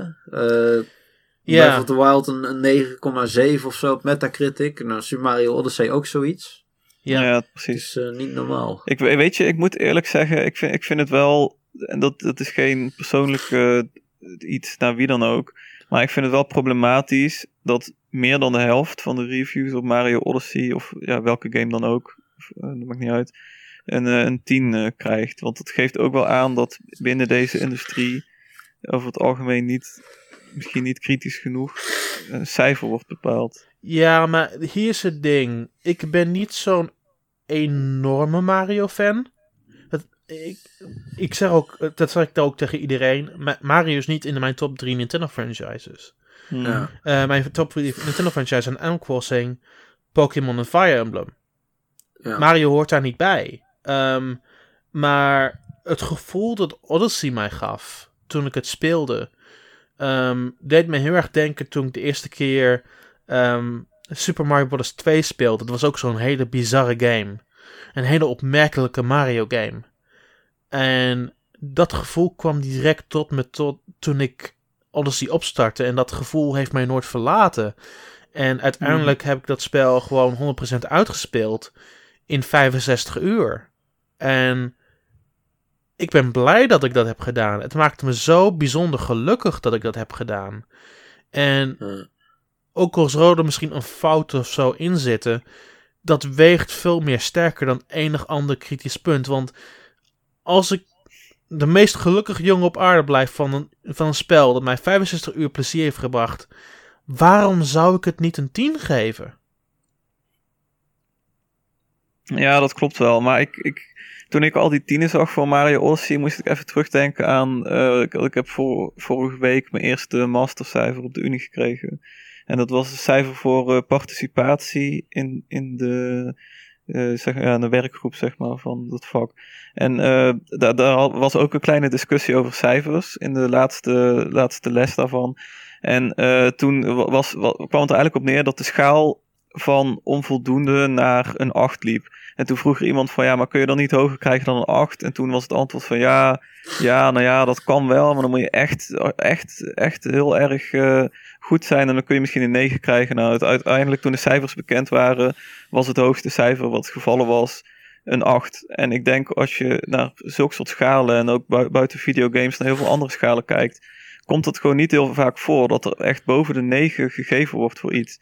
Uh, terwijl videogames in het algemeen redelijk snel hoger beloond oh, worden dan een 9. Dus... Oh, ik ben het hartstikke met je eens. Want voor alle liefde die mensen gaven Breath of the Wild, ik vond het maar een 8,5 waard.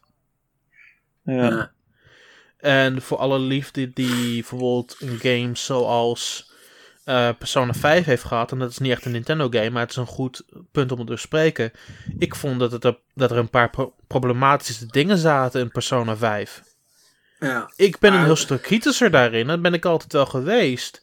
Maar met een game zoals Odyssey bleek het niks uit te maken wat ik ermee deed, want ik bleef toch plezier hebben. Ja. En dat komt bij mij nauwelijks voor dat ik er nooit over de negatieve dingen nadenk. Want ik ben daar heel erg precies in. Ehm, maar ik sta nog steeds volledig achter dat het wel de score waard is die ik het gegeven heb. Mhm. Ehm, het is mijn favoriete Mario, denk ik. Ik heb er heel lang over nagedacht sinds dat ik er klaar was een week geleden. Ja. Um, ik denk dat het. Ja. Er is geen andere Mario game waar ik meer heb genoten dan deze. Misschien de originele Galaxy. Die Komt krijgt een heel 11. dichtbij. Die krijgt een 11. Maar die, die, twee, die twee games zijn nu echt de twee Mario games waar ik gewoon het meeste plezier in heb gehad. Maar het, het, het, het leuke is Ja. aan Odyssey dat het gewoon zo gevarieerd is. En dat heb ik nog nooit meegemaakt in een Mario. Want je hebt die- je standaard platform secties.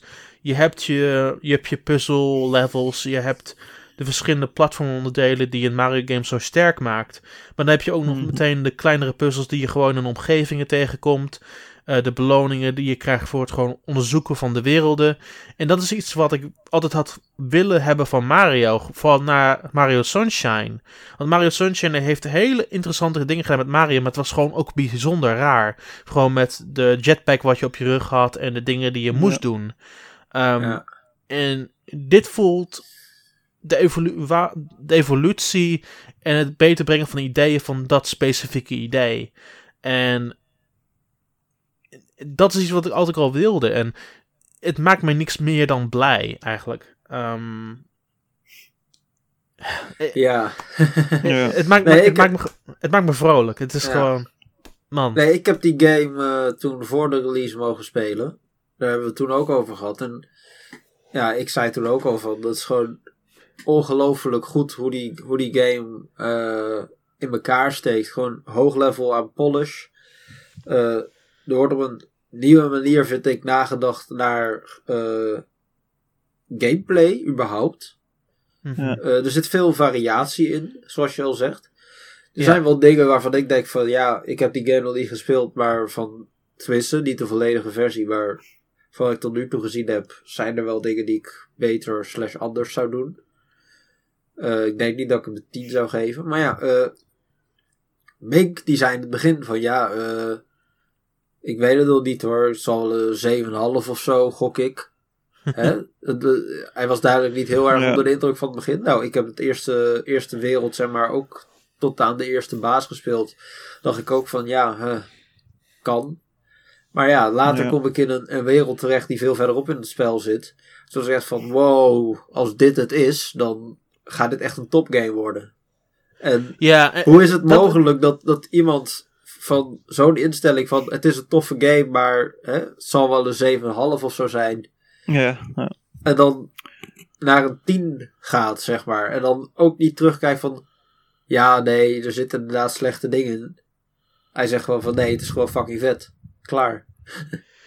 Ik, ik had het probleem niet. Van de, vanaf seconde 1 dat ik, dat ik het speelde, vond ik het leuk. En het is natuurlijk dat, dat eerste gedeelte in de Cap Kingdom is langzaam. Maar het is ook bedoeld zodat je begrijpt hoe de besturing werkt van Mario. Want die is, vind ik wel gaat meer diepgaander dan de afgelopen paar Mario Ja, games. Dat is even wennen.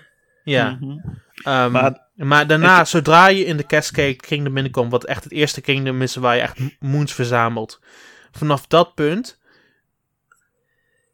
Stop je eigenlijk niet meer. Ja. En dan kom je op het punt dat je alle moons al verzameld hebt, zoals ik heb gedaan.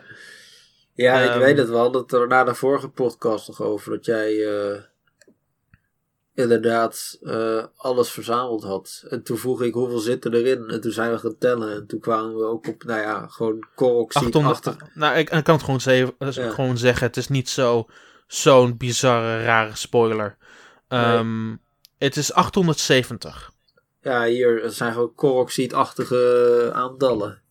Ja, maar in vergelijking met de Seeds zijn, de, zijn gewoon bijna alle maanden gewoon leuk om te doorlopen. Dus Ja, en daarbij, hè, ik bedoel, dus op dat onderdeel is deze game dus al gewoon beter dan Breath of the Wild. Op dit ene specifieke onderdeel. Hè? Ik bedoel, dat kun je dan ook niet meer als een- Wow. een minpunt noemen. Terwijl bij, niet, bij ik- Zelda had je dat nog wel kunnen doen. Als je bij Zelda zegt, het is een 10, maar Ja, maar- maar ik, het- ik vond het, ding ik is- vond het tergend met om die Mario- Koroxides te Het ding is met. Mario, het is een genot om uit te spelen. Met, met Zelda zaten er wel kartenrandjes aan. Eh, vooral met een paar Ja. van de shrines vond ik het niet zo ge- overweldigend. Ehm, ik vond dat sommige onderdelen richting 100% vond ik iets te ontmoedigend. Ja. Dus dat heb ik ook nooit gedaan. En hier wilde ik het uitspelen. Nadat ik over de eerste horde heen was, toen stopte ik niet meer. Ehm, Nee, precies. en, en het is gewoon door de va- pure variatie ervan. Want Ja. opnieuw, je komt echt. De meest bizarre plekken kom je op die moons tegen. Ehm, bijvoorbeeld als je denkt dat er een. Zo'n bewegend platform wat je mal moet ontwijken met een bullet bill. Als je denkt van, Ja. misschien als ik daarop langt en op blijf staan, misschien kom ik aan de linkerkant wel iets tegen. En verrek, je komt iets tegen. Ja. Overal op elk punt waar je tegenkomt zit er gewoon iets geheims. En daardoor is de volgende Power Moon nooit zo ver weg. Ehm, Nee. Maar ik, dan- denk, ik denk dat het, eh, dat het belangrijk aan zowel Breath of the Wild als Mario nu is dat eh, reviewers rekening houden met de hele voorgeschiedenis of zo ervan. En met Breath of the Wild was het zo dat Zelda natuurlijk vaak een redelijk li- lineair game was. Dat was met Link Between Worlds op de 3DS al enigszins veranderd. Maar in principe de games die daarvoor allemaal kwamen waren redelijk lineair. En dan kom je ineens in een heel indrukwekkende wereld. En als, als reviewer, want ik bedoel, zo zeg ik dat dan nu als ik terugkijk op mijn review van Breath of the Wild op de Wii U. Ehm, als, ja, als ik daarop terugkijk, in die tijd heb ik gewoon in, in een paar weken heel erg veel uren erin gestopt. En ik dacht echt van, ja oké, elke keer kom je ergens en dan zie je weer, weer iets anders om naartoe te lopen. En dat is een beetje het, het ding aan die open world games. Je, je, je begint eraan, je bent in een open world. Je hebt eigenlijk eh, misschien, ja, maar het, je hebt het zeg is maar niet één zo ding wat je open wilt world doen. al- als, als een Breath of the Wild. Het, zijn meer afgebakende werelden. Ja, waar, je die- gewoon, waar je gewoon eigenlijk daadwerkelijk moet op, moet, op zoek moet gaan naar die moons. Ja, maar dat is Breath of the Wild ook. Dat, dat zijn ook verschillende Mm, provincies Ik- met... da- dat ben ik er niet helemaal mee nee, eens. dat loopt wel meer in elkaar over hoor. Ja, Ja, want, dat want, is ook wel zo. Want, want Breath, of, Breath of the Wild is gewoon echt daadwerkelijk een open wereld die gewoon eindeloos aanvoelt. Met, met Mario zijn het echt meer afgebakende kingdoms waar je gewoon een soort van speeltuin hebt waar je op zoek gaat naar Power Moons. En. Power, Power Moons zijn het redmiddel waardoor je op zoek gaat naar de volgende. En vooral Maar dat met is wel grote... hetzelfde principe. Het is wel hetzelfde principe, maar de manier waarop ze het aanpakken is heel erg anders. Want met Breath of the Wild hoef ik niet echt bepaald een doel te hebben om gewoon zin te hebben in iets om te gaan doorlopen. Met, met Mario zonder de Power Moons zou ik het niet zo interessant hebben gevonden. Maar het, het, het- ik weet niet, ik, ik, ik vind het ergens logisch, maar ergens ook raar dat iedereen evenveel interesse lijkt te hebben in hetzelfde type game. Want heel veel open world games, ook buiten Zelda en Mario nu, hebben eh, heel, echt, echt heel hoge cijfers gekregen. En ik vraag me dan af, vindt iedereen dat type game zo interessant? Want er zit een soort van verslavingsmechaniek achter. Maar op, opnieuw, ik vind Mario niet echt een open wereld game. Dat, Ja, maar ik bedoel, vergeleken met eh, in de serie, zeg maar, met de games die ervoor zijn gekomen. Zowel Mm, de 3D World Land als de Galaxy spellen. Nou, er was, wel, er was wel Mario 64 en Sunshine. Dat kun je dan ook best wel open wereldachtige games noemen. Ja, dat is in zekere zin ook wel zo. Ehm, maar dat zijn ze nooit geweest. Het zijn echt afgebakende gebieden geweest. Het zijn gewoon dat Ja. het afgebakende gebied in deze game is, zijn gewoon vele malen groter dan ze waren in Sunshine in 64. Ja, En opnieuw, het zijn gewoon m- mini speeltuinen waar je gewoon doorloopt. En er zijn ook kleinere kingdoms waar je echt maar iets van 30 à 40 maanden hebt. Maar er zijn ook grotere kingdoms waar je iets van 80 à 90 maanden hebt. Dat- Die zijn heel erg verschillend van elkaar. Uh, maar wat je erin doet, blijft zo uniek. Puur omdat de, de, opdrachten die je krijgt voor het verzamelen van die manen zo gevarieerd zijn. Er zijn miniatuur platformuitdagingen waar je heel snel op platformen moet klauteren. Er zijn daadwerkelijke levels waar je op een gekend moet springen en dan word je naar een andere wereld gelanceerd. Uh, er zijn echt objectieven binnen, binnen de hoofddoelen van, van de wereld die je moet verslaan richting een baas toe. Mhm.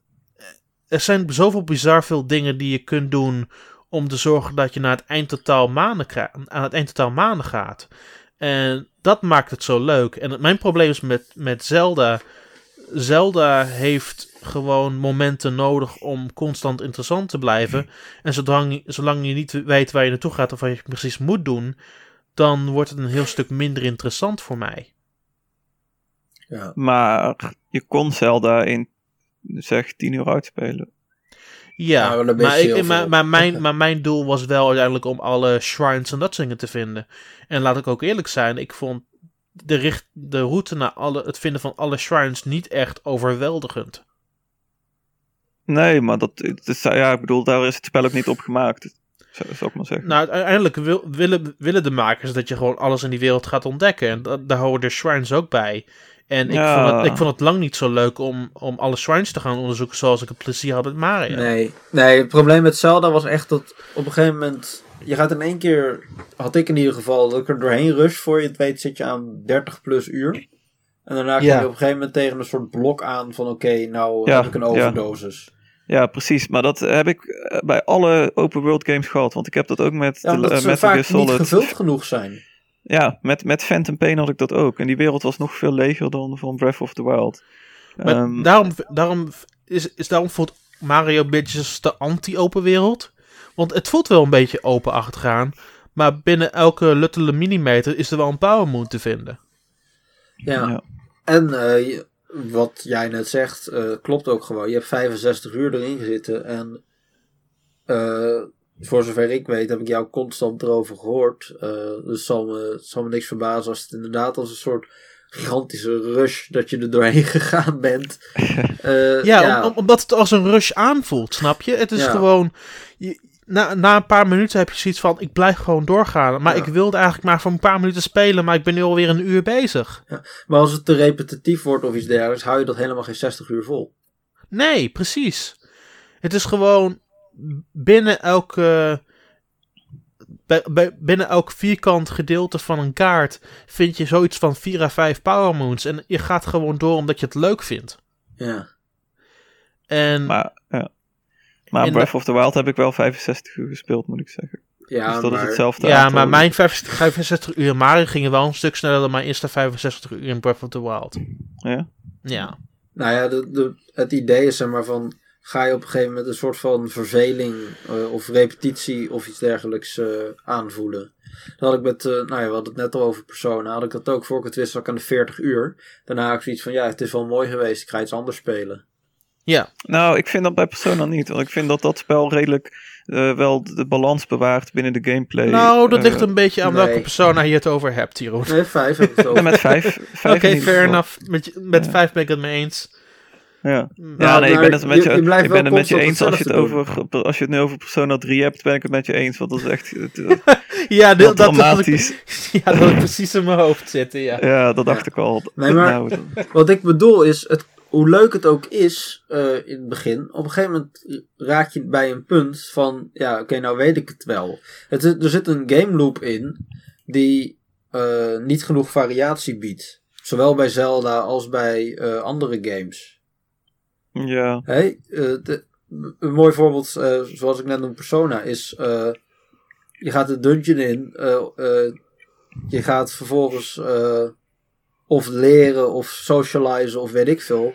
Je bent Ja, aan, ja. constant aan het plannen en aan het vechten en, en noem het op. Eh, En de- de- op een gegeven moment heb je dat een aantal keer gedaan. En dan zeg je van ja, eh, nou moet ik datzelfde eigenlijk weer gaan doen met een paar veranderingen, maar het is niet goed genoeg. Hè? Ik, Nee, ik ben dat ga even iets eh, anders wel- spelen. Ja, ik, ik ben dat ook wel me- ergens met je eens. Als in van die echt grote games. Dat zijn er zijn type games, zeg maar, waar ik er maar een paar van wil spelen op een jaar. En niet, niet te veel, want dan Nee. wordt het gewoon eh, te veel. En daarom zit ik nu ook meer in een periode dat ik meer kortere, eh, indie-achtige games eh, speel. Waar je Ja. sneller mee klaar bent. Ehm, en, en ik bedoel, dat is ook prima. Ja, er zit bedoel, veel meer variatie in wat je speelt. We komen Ja. waarschijnlijk nog wel terug met Mario, maar we moeten even voortmaken met eh, deze aflevering. Dus Jeroen, je zei net de indie games. Welke indie games heb jij gespeeld? Ja, eh, twee. eh, of, nou ja, ik, ik, ga, ik ga even beginnen met degene waar ik het meest enthousiast over ben. Dat is de, de Count Lucanor. Die is eh, een weekje geleden, denk ik. ja, dat klopt. Ja, klopt. Wat Ja, is het? Voor de, voor de Nintendo Switch. Het is echt. Het is, er komen verschillende dingen bij elkaar. Aan de ene kant speel je een horror game. Aan de andere kant speel je een beetje een old school adventure game. Eh, aan de andere kant eh, is, zijn ook puzzelelementen, zoals vaak in indie games, heel belangrijk. En Hmm. ja, ik weet niet. Het, het, had, het, had, het, het liet best wel een indruk op me achter wat weinig indie games lukt, zeg maar, om, eh, om achter te laten. Als in dat het goed weet hoe lang het moet duren, weet je wel. Want je had het net over dat sommige games veel te lang doorgaan. Nou ja, dit Ja, klopt. duurt twee- 2,5 uur, denk ik, zoiets. En dat is precies goed. En ik weet niet. Dat, Hoe lang doet die game? 2,5. Is dat alles? Huh. Ja, ja, zoiets. Ja, het ligt, er, het ligt eraan. Want je hebt, je hebt meerdere, eh, meerdere manieren om tot de oplossing te komen binnen het spel. En ook meerdere eindes die je dan kunt bereiken. Hmm. Eh, dus ja, je, ik bedoel, het, je zou het game een eigenlijk meer keer moeten spelen. Ja, je zou, ja, je zou hem opnieuw kunnen doorspelen. Want, want het, het hoofdding is zeg maar dat je de naam van de kobold moet raden. En dan kun je een, een fortuin van, eh, van een graaf erven. Oh. Eh, en je hebt verschillende manieren om tot zijn naam te komen. Eh een, een van de manieren die ik had gebruikt was om verschillende letters te verzamelen in puzzelkamers binnen het kasteel. En dan kun je met die letters zijn naam uitspellen. oh ja. Ehm, Huh. maar je, hebt, je hebt ook zeg maar een soort shortcuts of andere manieren om daar te komen. Hmm. Waar, waarvoor je dan weer andere dingen moet doen. Maar ja, het is heel raar. Het is best wel een onvergeeflijke game ook. Want je moet, je moet in-game geld gebruiken om op te slaan. Hmm. En dan kan het zijn dat je ineens bij een heel, heel eh, dodelijke puzzelkamer komt, zeg maar. eh, waar, waar je gewoon in één keer doodgaat. En eh, je, moet- je, moet, je moet dus vaak genoeg opslaan. Maar je, je hebt ook niet oneindig veel geld, zeg maar. Dus je moet daar wel vind een het beetje wel geniaal.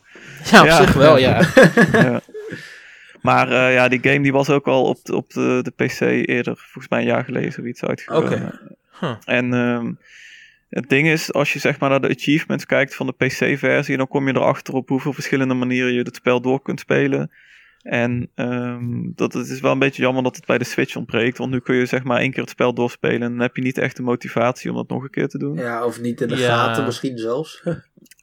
of, of, of, überhaupt niet de informatie, inderdaad. Ehm, maar eh, ja, ik, ik heb hem een 9 gegeven in de review, dus eh, die kun je op N1 lezen. Nice. Yes. Ja, ik zag hem inderdaad. eh, en de review en eh, daarvoor nog de downloadpost. Het zag wel interessant uit, maar uiteindelijk heb ik hem nooit gehaald. Omdat hij 15 euro kost. En ik had nog 15 euro. Maar Hmm. toen kwam de Halloween sale. En toen ben ik toch ergens anders voor gegaan. 15 euro, ik, mo- ik ja, 15 euro. twee- Ja, Ah, ik, ik denk dat hij wel. Het is jammer dat hij nu, nu al meteen met Halloween, want het is wel echt een Halloween game ook. ja, hij is dat- wel dat met hij niet- launch discount, hè? Eh, nee, Ja. Ja. 2 ja. euro of zo, volgens mij. Zoiets, 10% eraf. Ja, ja. Anderhalf euro, maar goed. Voor onder de 10 euro zou ik hem zeker kopen. Dus, eh, Ja, ach, het, is, het is, blijft een beetje een debakel eh, de prijs vaststellen van games. Dat is een eh, aparte column waard, maar, eh, maar goed. ja, ja, moet je eens doen.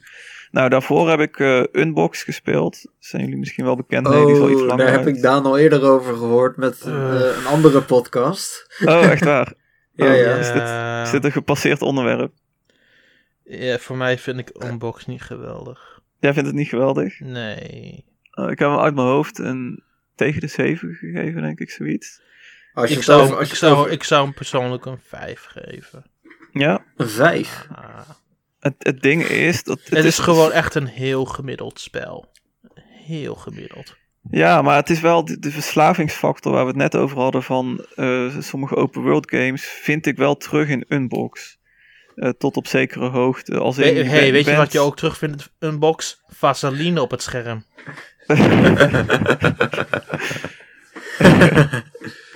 Maar nee, ik, dat, ik vond het wel serieus. Ja, je, moet, je, bedoel, je hebt een doel uiteindelijk. Je moet genoeg postzegels verzamelen. Maar je komt onderweg best veel dingen tegen. En dan, het is geen open world game net als Zelda waar je 60 uur in steekt. Maar wel, wel een waar je 10 uur in steekt. Tenminste, voor, voor mij was dat wel Ja. zo in ieder geval. Ik dacht dat het hoofddoel was van Unbox om de Vaseline te ontwijken en te overleven tot het einde van het spel. Maar wat vond je, vond je, nou, wat vond je, wat vond je nou zo vervelend aan het spel dan? Ehm, dat er iemand Vaseline op mijn beeldscherm had geslikt. en daarnaast vond ik de besturing slecht. Weet je wat het is? Dit, dit argument eh, ken ik van, al- ik weet niet meer precies waarvan, van andere dingen. Maar de besturing hoort slecht te zijn. Mm, dat kan, maar tegelijkertijd dat betekent niet dat het opeens magisch gezien ehm, geen tegenspraak mag dulden. Er zullen Nee. mensen zijn die het niet leuk hoeven vinden. Heb jij, heb jij die, die quest gedaan dat je een heel hoge toren op moet? Ja, Nou, als je, als je inderdaad klachten hebt over de besturing, dan ga je daar het spel rage quitten. ja, dat klopt. Dat heb ik ook daar gedaan. Ja, Je, hebt, je hebt me helemaal goed gelezen, 100%. Nou, ja dat, ja, dat vind ik niet verrassend inderdaad. Want ik, heb, ik, heb daar, ik heb daar ook een half uur over gespeeld, is dat ik boven was. Ik heb Oh, toen de. Switch uitgezet, dus... Oh jee. Ja, ja. Maar eh, Daan, er Ja. komt een eh, fysieke versie van deze game uit. Nu Oeh. verwacht ik natuurlijk wel een unboxing video van jou.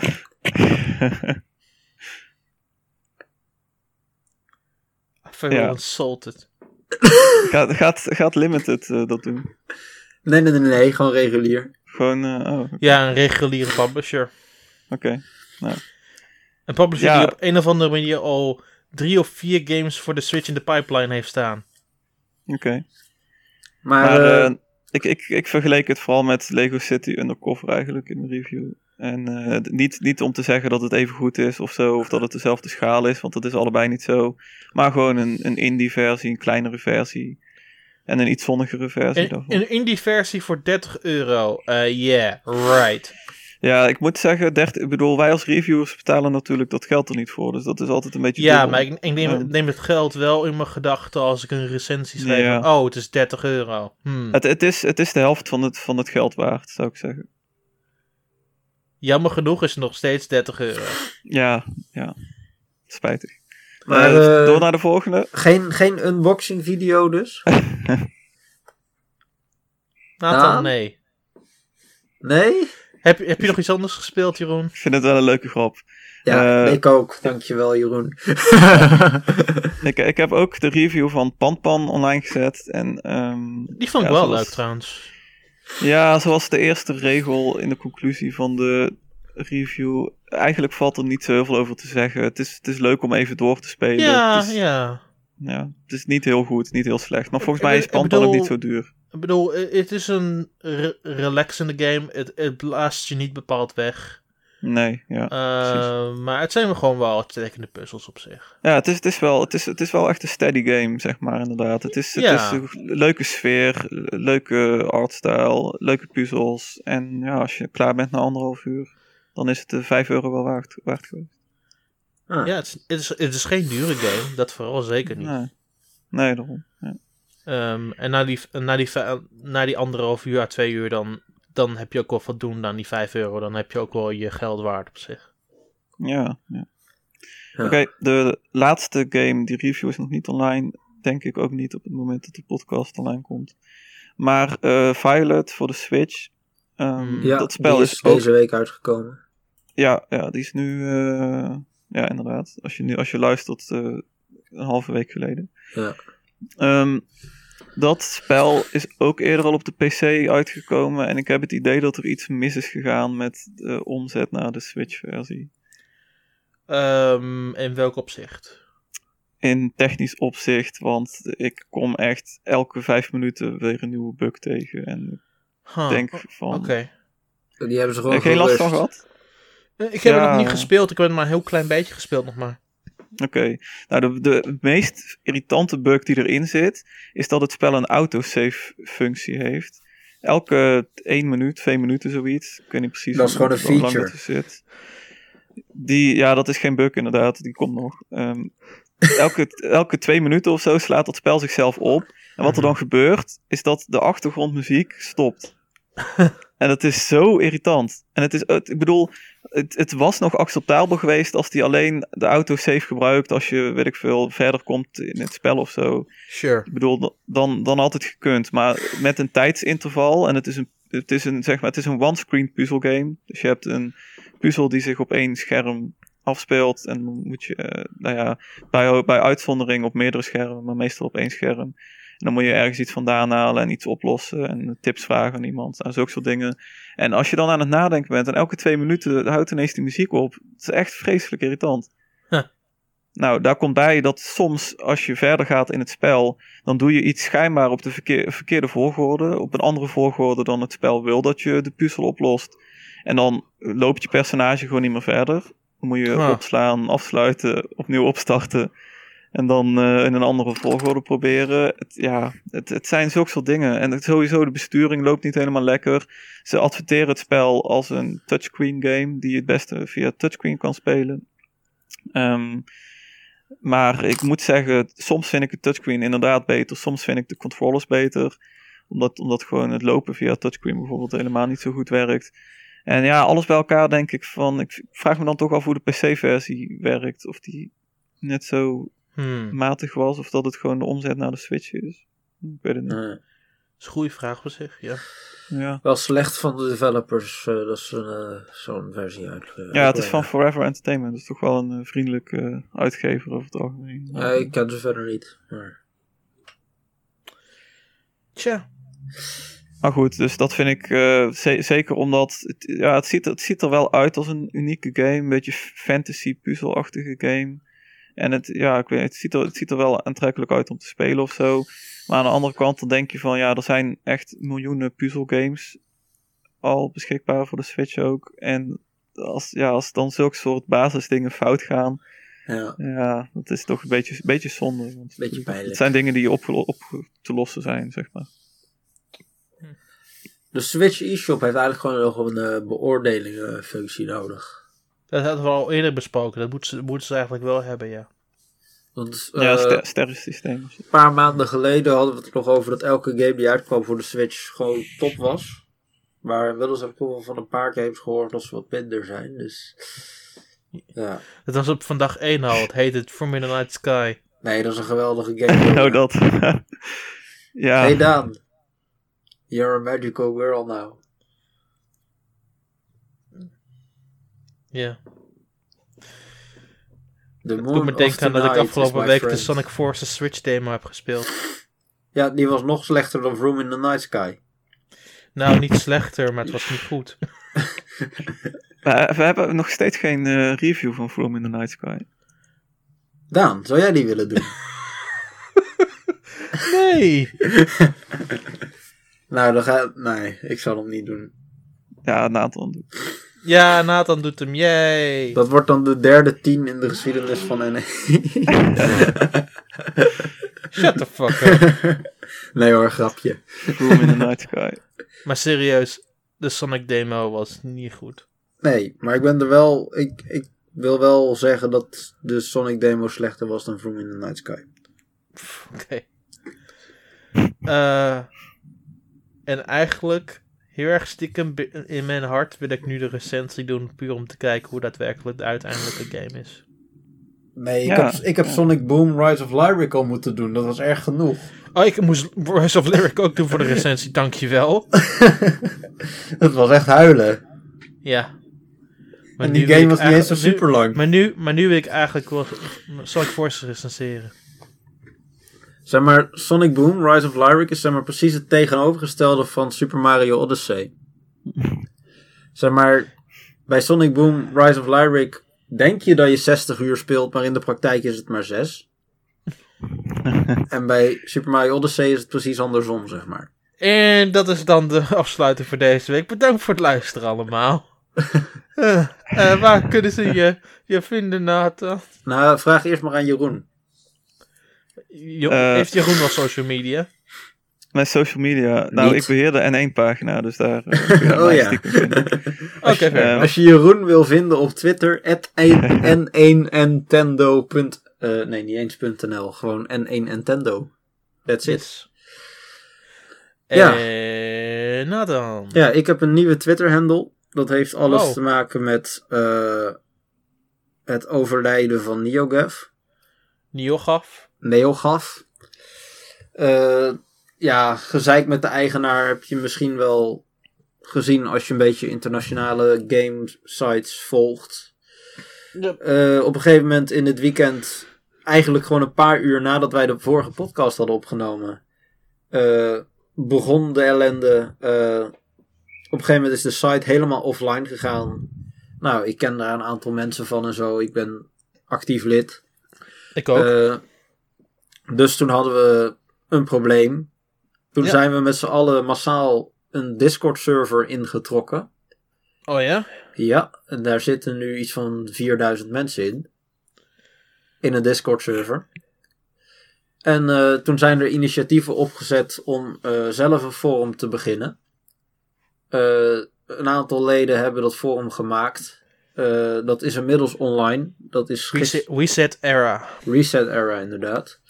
Ja. Dat is gisterenochtend, is dat, of nee, nee, de dag ervoor om half twaalf s'avonds is dat online gegaan. Woensdagavond. Mhm. Eh, toen heb ik dat forum eh gejoind. Inmiddels hebben wij eh 10.209 members, as we speak. Ik, ik, heb, eh, ben gisteren gejoind op Reset. Nice. Ja. En eh, ik ben nummer 495. Woehoe, ik kan zeggen dat ik een van de eerste was. Maar goed, Nice. eh, zeg maar, nog voordat dat forum er was, hè, dus toen NeoGaf eh, offline was, hadden wij dus eh, communicatiemiddelen nodig. En ik gebruikte normaal mijn eigen naam. Maar ik was gewoon anoniem op NeoGaf. En ik vond het eerlijk gezegd eh, niet nodig om mijn Twitter met mijn echte naam te koppelen aan dat account met die mensen. Dus toen dacht ik, ach, waarom ook niet? Toen heb ik mijn naam veranderd. Oh, Dus nu ben ik-. Hè? Leuke trivia. ja. Dus eh, nu eh, ben ik te vinden op @darkdetectivenl. Dat is eh, met hoofdletter D's en eh, NL. Dat zijn gewoon twee hoofdletters aan het einde. Eh, Oké. Dus dat is mijn nieuwe Twitter-handle. Yay. Iedereen die mij al volgde, die is mij nog steeds aan het volgen, want dat verandert verder niet. Maar eh, Yay. ja, nieuwe Twitter-handle dus. Yay. Daan, waar kunnen ze jou vinden? At Nintendo, daar is geen hol aan veranderd. Ehm met name op Reset Era is anders, want daar noem ik me Decoops. Want dat is mijn internetnaam als ik niet alleen maar over een internetapparaat op plaats op het internet. Ja, Dan Koopman. Ja, Decoops. Ehm en ja, dat is het wel voor deze week. Bedankt allemaal voor het luisteren allemaal. Wanneer je dit luistert, welke dag van de week. Volgende week zijn we er weer. Ehm, dan gaan we het waarschijnlijk iets meer hebben over Odyssey. We hadden niet zoveel tijd dit keer, maar dan hebben we ook mensen die het daadwerkelijk ook gespeeld hebben, heb ik het idee. Ja, ik zit nog Ehm. wel een beetje met een budgetair probleem. Dus ik weet niet of ik die volgende week wel heb. Eh, we zien het wel. We zien het wel. Ach, we moeten gewoon zorgen dat Patrick weer een keer meedoet. Dan kan, ja, als Jeroen dan ook meedoet, dan zijn we weer met z'n drieën. En dan eh, hoef ik niet eh, aan te horen hoe andere mensen Odyssey gespeeld hebben. anyway. Eh tot ziens allemaal.